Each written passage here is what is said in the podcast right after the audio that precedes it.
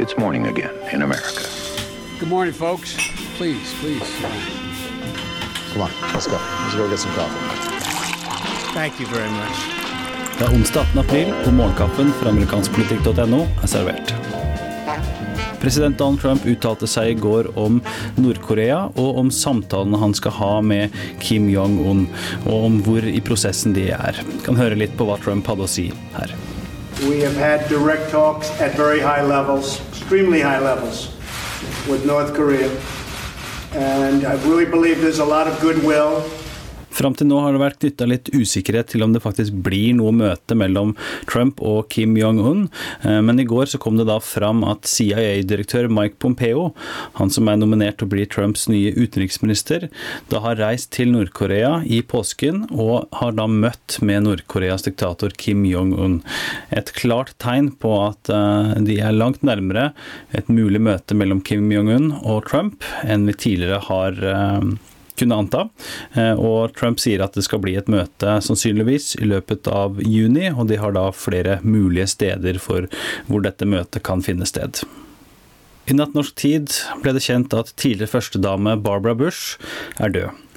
Hun døde da i sitt hjem i Houston, Texas, omgitt av familie i en alder av 92.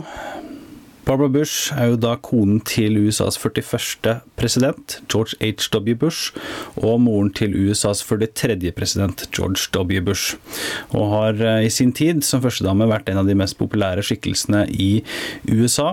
Eh, men hun ble kritisert eh, på 90-tallet for kun å være en som sto ved sin manns side, og hun ble da invitert til å holde talen for avgangsklassen på Wellesley College i 1990. Eh, da var det en del studenter som hadde protestert mot at hun skulle komme dit, nettopp pga. det jeg nettopp eh, nevnte.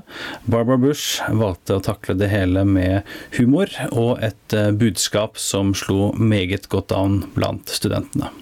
Somewhere out in this audience may even be someone who will one day follow in my footsteps and preside over the White House as the president's spouse.